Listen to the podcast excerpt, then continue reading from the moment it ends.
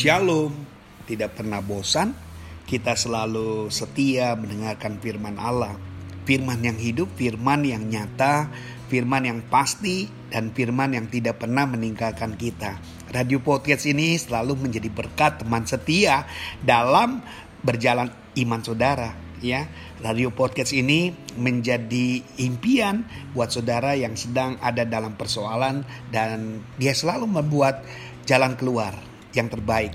Hidup saudara jadi tenang, hidup saudara jadi penuh kepastian karena renungan-renungan firman Tuhan selalu meneguhkan dan menguatkan buat kita semuanya. Hari ini saya senang untuk menyampaikan tentang apa yang Yesus lihat dalam diri kita. Apa ya? Apa sih menjadi kelebihan kita setelah kita menjadi orang yang percaya kepada Tuhan? Apa yang menjadi kebanggaan kita setelah kita menjadi orang percaya? Kalau kita nggak ada lebih-lebihnya berarti wah banyak kurangnya banyak gak benernya, banyak gak beresnya. Kalau saudara mulai dikatakan gak beres, marah, pasti marah, kecewa. Kok bisa-bisanya menilai saya gak ada apa-apanya. Kalau manusia bisa menilai saudara tidak memiliki apa-apa, gak ada kebanggaannya, bagaimana dengan Tuhan? Nah hari ini tema saya mengajak bahwa Tuhan yang melihat saudara. Kita lihat di dalam uh, Matius 9 ayat 9 berbunyi demikian. Uh, Yesus melihat seorang pria bernama Matius dan memanggil dia. Cerita awal Matius itu adalah pemungut cukai. Kata pemungut cukai udah gak ada baik-baiknya ya. Orang mendengar kata pemungut cukai berarti orang ini uh, tidak taat kepada Tuhan. Artinya orang ini orang jahat ya, orang yang suka berbuat jahat ya, menindas orang, menekan hidup seseorang. Jadi kenapa Yesus mau berhadapan dengan orang sedemikian? Nah sama, seperti kita juga. Kalau diukur secara kebaikan, kebenaran kehidupan kita belum semua sempurna. Jadi jangan pernah marah kalau hidupmu dikatakan tidak benar, tidak beres. Kalau kamu dikatakan tidak benar, tidak beres, kita berani untuk mengoreksi diri. Ya, pada sepenuhnya adalah kita diajak untuk kita mengenal diri kita sendiri. Tapi yang kadang kalau iblis masuk, kita jadi gagal. Kenapa? Kita merasa dipermalukan, kita merasa disindir, kita merasa diintimidasi. Mari Peristiwa perjumpaan Yesus dengan Matius ya yang jelas kita tahu bahwa kehidupan kita Yesus tahu apa yang terjadi dalam diri daripada uh, Matius tentunya bukan hal yang baik. Bagaimana dia bisa mengambil pelayanan kudus seorang Matius ini belum ikut katekisasi, belum ikut pembelajaran, tapi Tuhan mau menjadikan dia seorang murid yang mungkin menggantikan seorang yang bernama Yudas Iskariot. Rasanya cukup berat dalam pemilihan hal yang dilakukan oleh Yesus pada saat itu. Nah mungkin kalau kita ukur Yesus begitu berat dalam memilih Matius, tapi Yesus gak berasa berat tuh memilih saudara yang berdosa juga.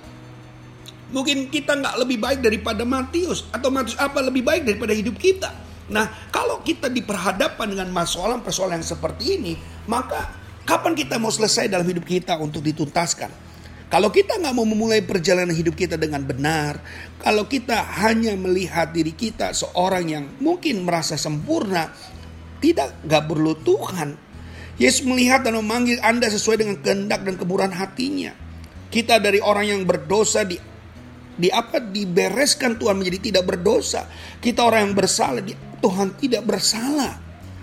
Dia tahu dia tidak tergantung dengan kehendak apa yang orang punya usaha Tuhan kalau mau pakai saudara nggak ada yang bisa menghalang-halangi. Tuhan kalau mau pakai saudara tidak ada yang bisa uh, menganggap saudara tidak berarti. Tapi kembali lagi kita mau berubah nggak? Matius itu sangat mengambil uh, hal yang sangat konsentrasi dalam hidup dia. Sesuatu yang sulit dia putuskan dengan secara tiba-tiba untuk mengikuti Yesus. Sama pemanggilan Yesus kepada Petrus awalnya. Seorang yang harus meninggalkan pekerjaan sebagai nelayan yang Tuhan mau gantikan menjadi pejalan manusia. Sebuah keputusan. Kalau saudara masih dipanggil Tuhan dan saudara ikut Tuhan tapi masih berbuat kejahatan dan kejahatan, ini yang salah. Kalau Yesus bertanya siapa dirimu tapi kalian kok masih terlalu banyak untuk melakukan kesalahan, ini nggak benar.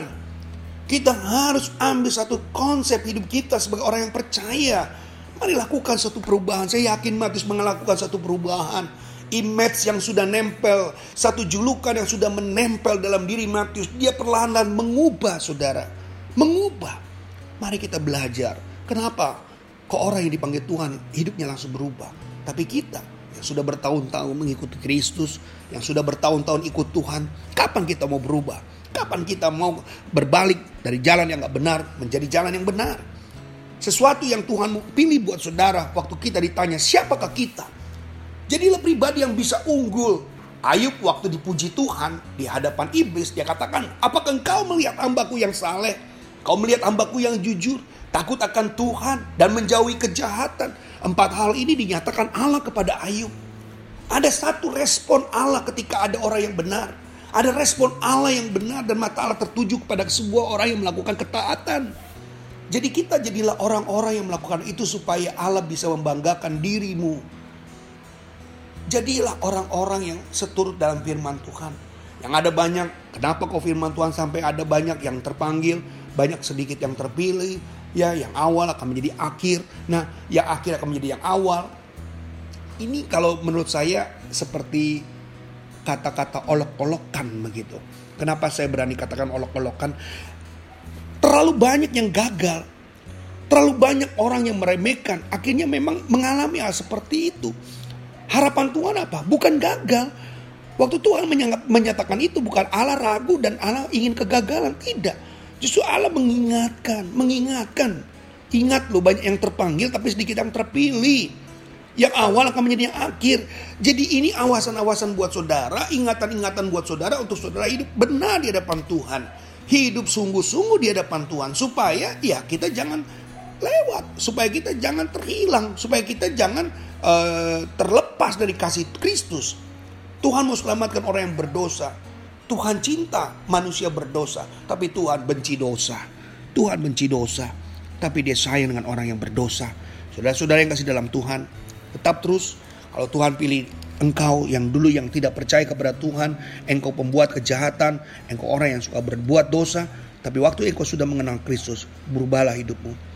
Waktu Tuhan mau bertanya, engkau bisa menunjukkan, engkau bisa membuktikan kata orang itu tidak benar. Yang benar adalah kata Yesus. Kita adalah orang benar. Itu saja menjadi berkat buat saudara dan saya.